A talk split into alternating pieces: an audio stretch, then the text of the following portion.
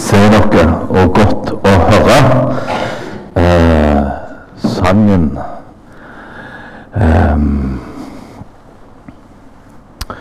flott å være med på eh, en sånn eh, vekselbønn, eh, og en eh, spennende. Jeg har fått eh, et tema i dag. eh, og kall og nådegaver. Eh, vi skal prøve å eh, si litt om det. eh, og Så får vi se hvordan vi lander. Men jeg tror vi skal be sammen. Kjære Jesus, takk for det at vi får lov å eh, vende oss til deg.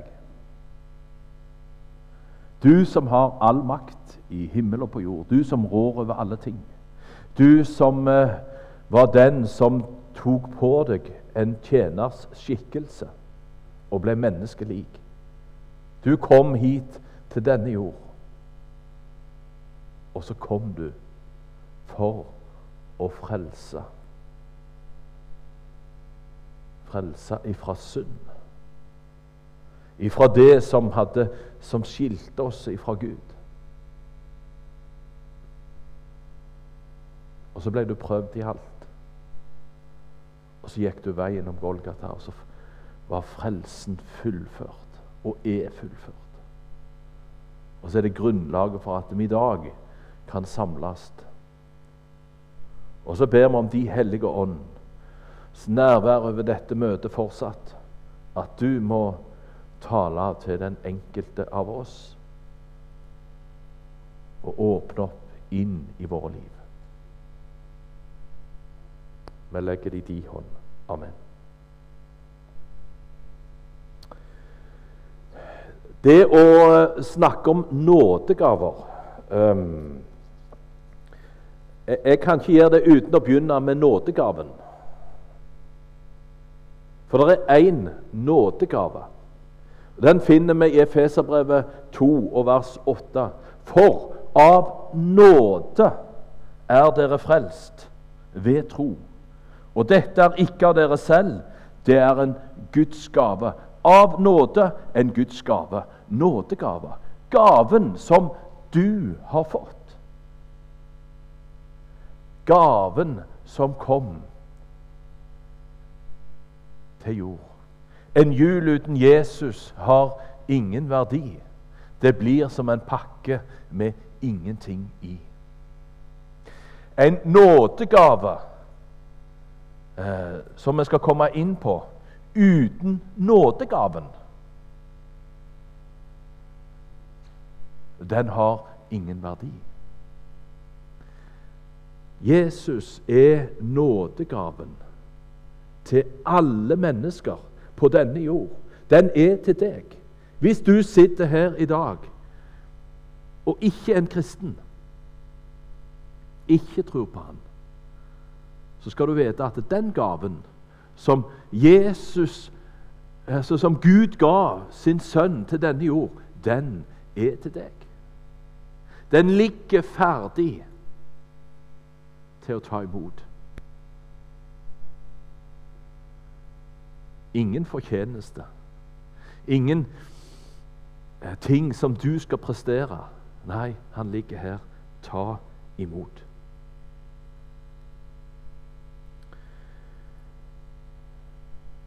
Og så Når vi skal inn på det med nådegave Jeg skal stoppe litt for, for ei nådegave i dag. Men før det så vil jeg si litt om dette med kall. For dette henger sammen. Hva, hva er et kall? Uh, jeg husker en overskrift som var i en eller annen type kristelig sammenheng, i et eller annet foredrag som skulle være. Jeg husker ikke helt hva det var, men der sto det 'kall' eller 'utfordring'. Hvis jeg utfordrer dere på en ting, eller hvis du får en utfordring Du blir utfordra på å gjøre et eller annet, du blir utfordra på å si noe. Ja, En sånn utfordring den kan du si OK, spennende utfordring. Jeg kan ta imot den utfordringen, jeg kan gjøre den jobben. Men jeg kan òg si niks. Det der ja, det er greit, det var spennende, alt dette her, men jeg takker nei. Jeg vil ikke ta den utfordringen. Det kan du leve godt med. Jeg kan leve godt med å si nei til en utfordring som jeg får. Det hadde vært spennende, det hadde vært kjekt å prøve det, men jeg kan òg leve godt med å ikke ha det.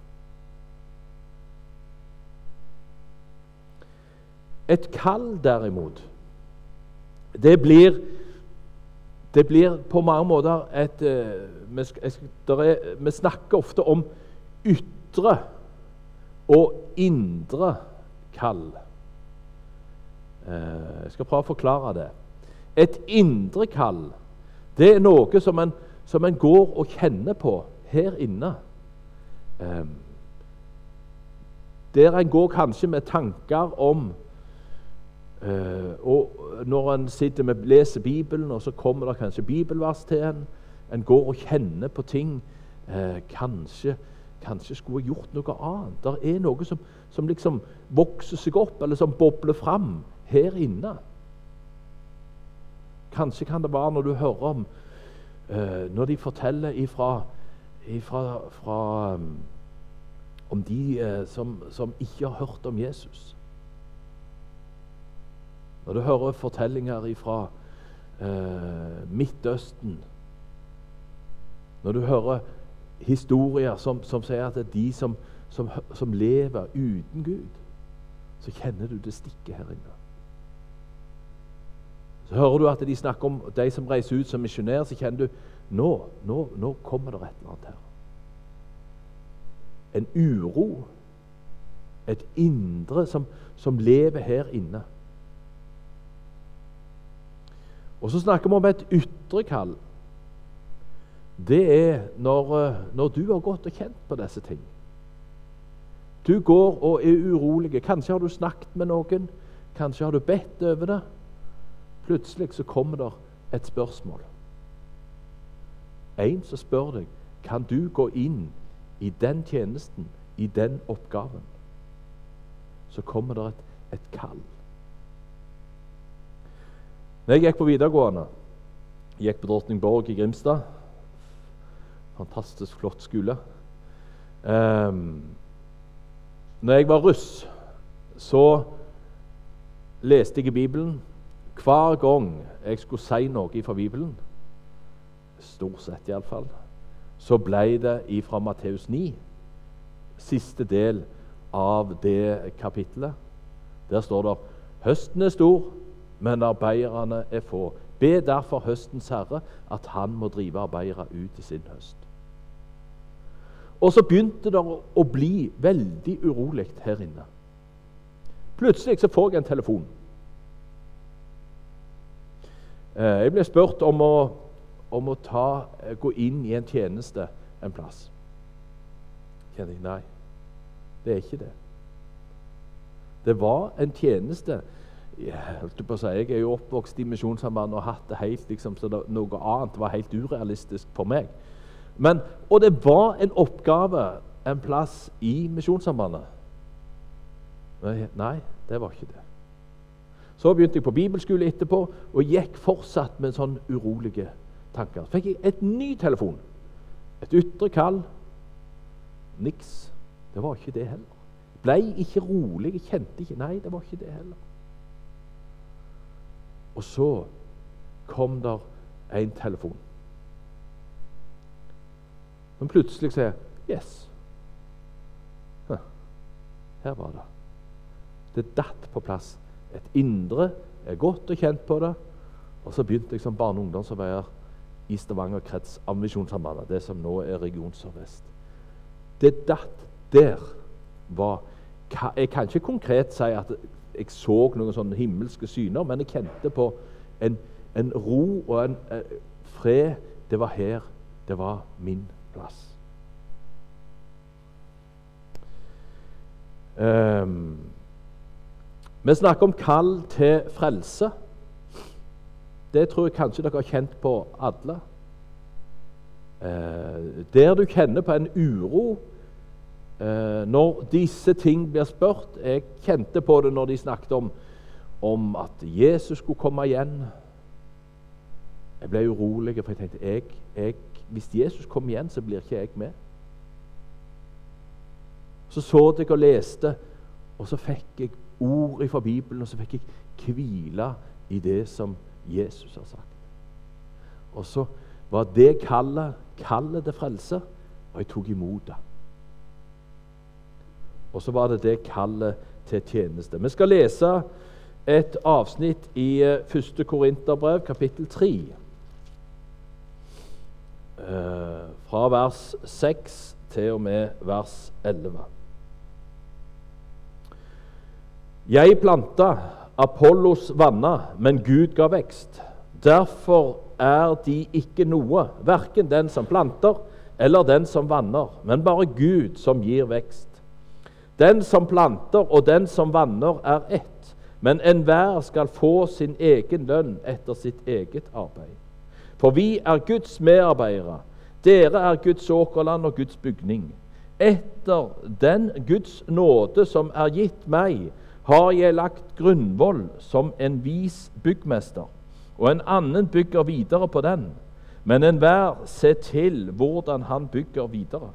For ingen kan legge en annen grunnvoll enn den som er lagt. Det er Jesus Kristus. Vi er Guds medarbeidere, alle sammen. Vi er plassert inn i Guds rikes store arbeid. Vi har hver våre oppgaver og hver vår tjeneste på hver vår plass. Utvalgt av Gud, sett inn i en oppgave. Noen planter, noen vanner, og noen får være med i innhaustningen. Her er det forskjellige oppgaver som vi har. Eh, du har den som står i et søndagsskolearbeid, et barnearbeid, gjennom et helt liv. Som legger ut år etter år etter år etter år. Skal i begravelse på tirsdag til ei som var søndagsskolelærer i 40 år. Og etter det så var hun ti år eh, hadde hun et eh, arbeid for gutter. Eh, så levde hun til hun var 96 år. Eh, hun sto i tjenesten, i oppgave, helt hun ble syk og ble eh, sittende og tatt til sides. Og da sier hun nå er min tjeneste i bønnetjenesten. Og så så du og ba. Oppgavene var forskjellige. Og en annen eldre mann han har jeg sitert mange ganger. Han var prest i Sola eh, i mange år. Eh, han døde når han var 95. De blir gamle der i Sola, altså bare forvent dere må holde lenge ut. Men eh, presten, han, eh, han eh, døde som sagt da han var 95. Jeg traff han eh, kanskje et halvt år eller noe sånt før. han og så sier han det. 'Jeg har så lyst til å dø.' Og jeg, jeg begriper ikke hvorfor ikke han der oppe kan hente meg hjem. Men jeg har skjønt det, sa han, at Gud har bruk for meg ennå. Jeg er ikke ferdig med oppdraget. To dager før han dør, så får jeg SMS fra han med en hilsen fra Bibelen. Han, han sto i oppdraget til han ble henta hjem. Eh, tjenestene og oppgavene er forskjellige. Og så eh, er det en av disse eh, ja, et, et, punkt først. Uh, når jeg var russ, så var det ei eh, medruss som hadde på sitt russekort I Guds redningsaksjon så er villighet viktigere enn dyktighet. For Gud dyktiggjør den han har bruk for. For Gud dyktiggjør den han har bruk for. Gud kaller. Gud utruster, og Gud setter oss inn i oppgaver. Han, han gir sine nådegaver som han har, og deler ut etter som han har behov for. Vi skal lese om ei Vi skal stoppe, Jeg har blitt bedt om å stoppe for ei av disse nådegavene. Og Den eh, leser vi først om i eh, 1. Korinterbrev, kapittel 12, og vers 8. Eh, der står det sånn For til én blir det gitt visdomstale ved Ånden, til en annen kunnskapstale ved den samme ånd. Og Hvis vi tar også med kapittel 14 og vers 3, så blir det en utdyping av dette. Der står det Men den som taler profetisk, taler for mennesker til oppbyggelse og formaning og trøst. En profetisk tale.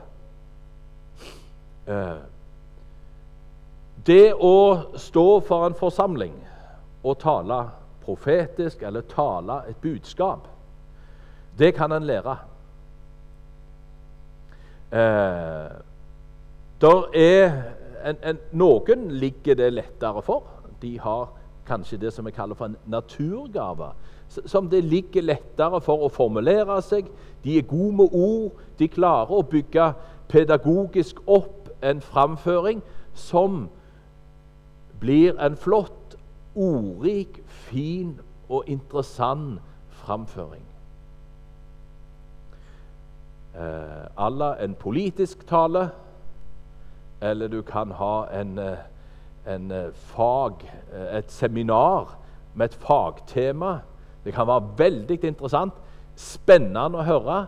En flott framføring.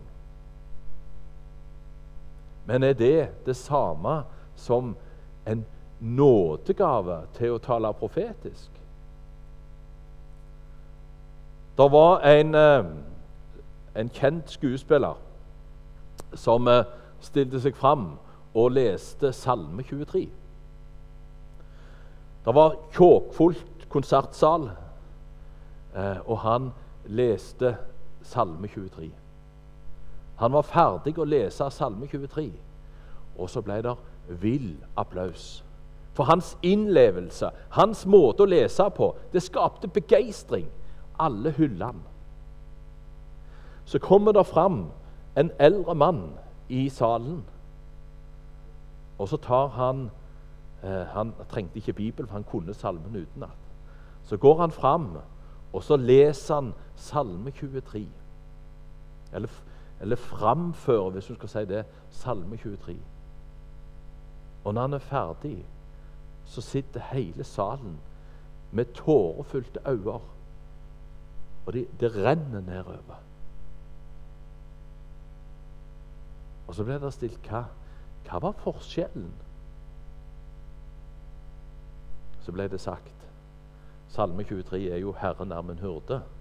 Det er jo det som er hyrdesalmen. Så ble det sagt Skuespilleren kjente salmen, men den eldre mann kjente hyrden. Nådegave.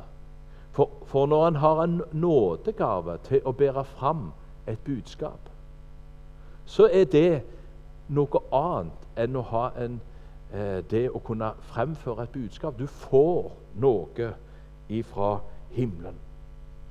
Eh, en nådegave at budskapet blir framført altså som med åndsfylde ifra hjertet, og som, som, som det når inn til folket.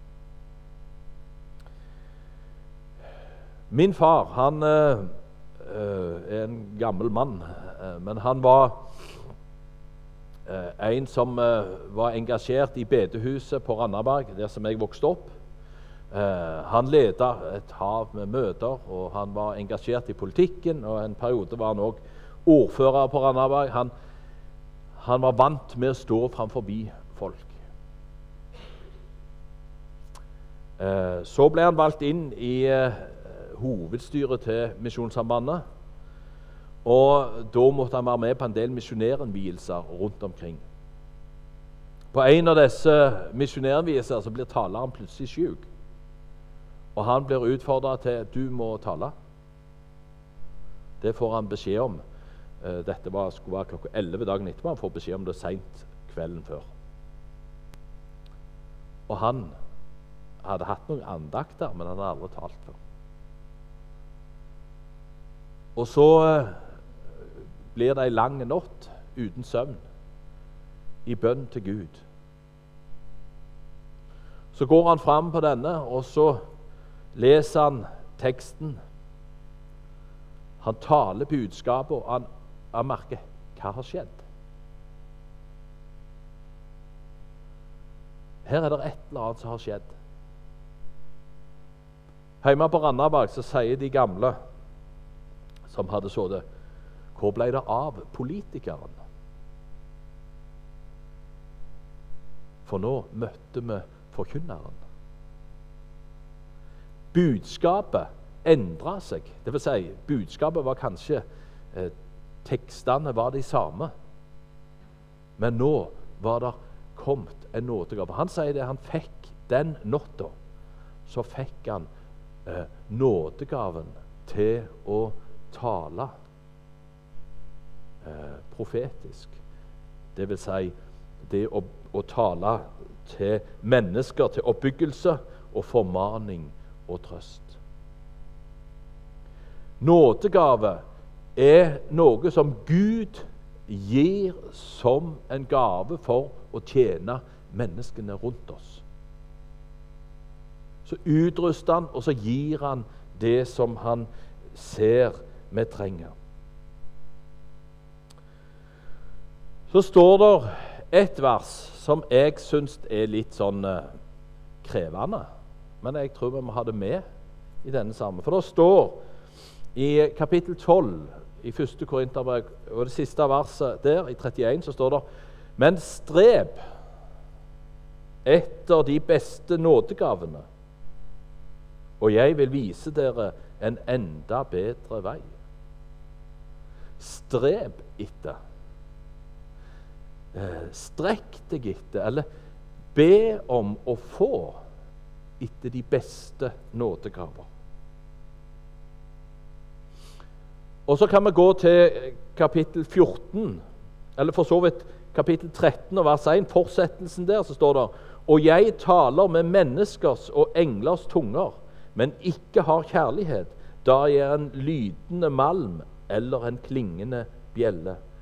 Om jeg har profetisk gave og kjenner alle hemmeligheter og all kunnskap, om jeg ikke har all tro, så kan jeg da så kan jeg flytte fjell, men ikke har kjærlighet. Da er jeg ingenting. Igjen tilbake til der vi begynte. Dette handler om å få leve i samfunnet med Jesus. I dette kapittel 13, som er kjærlighetskapitlet, så kan du bytte ut ordet kjærlighet med Jesus. Så kan du si om det er sånn og ikke har Jesus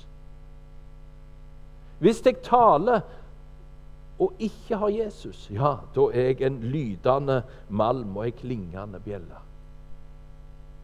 Om jeg har profetisk gave og kjenner alle disse ting og ikke har Jesus, ja, da er jeg ingenting.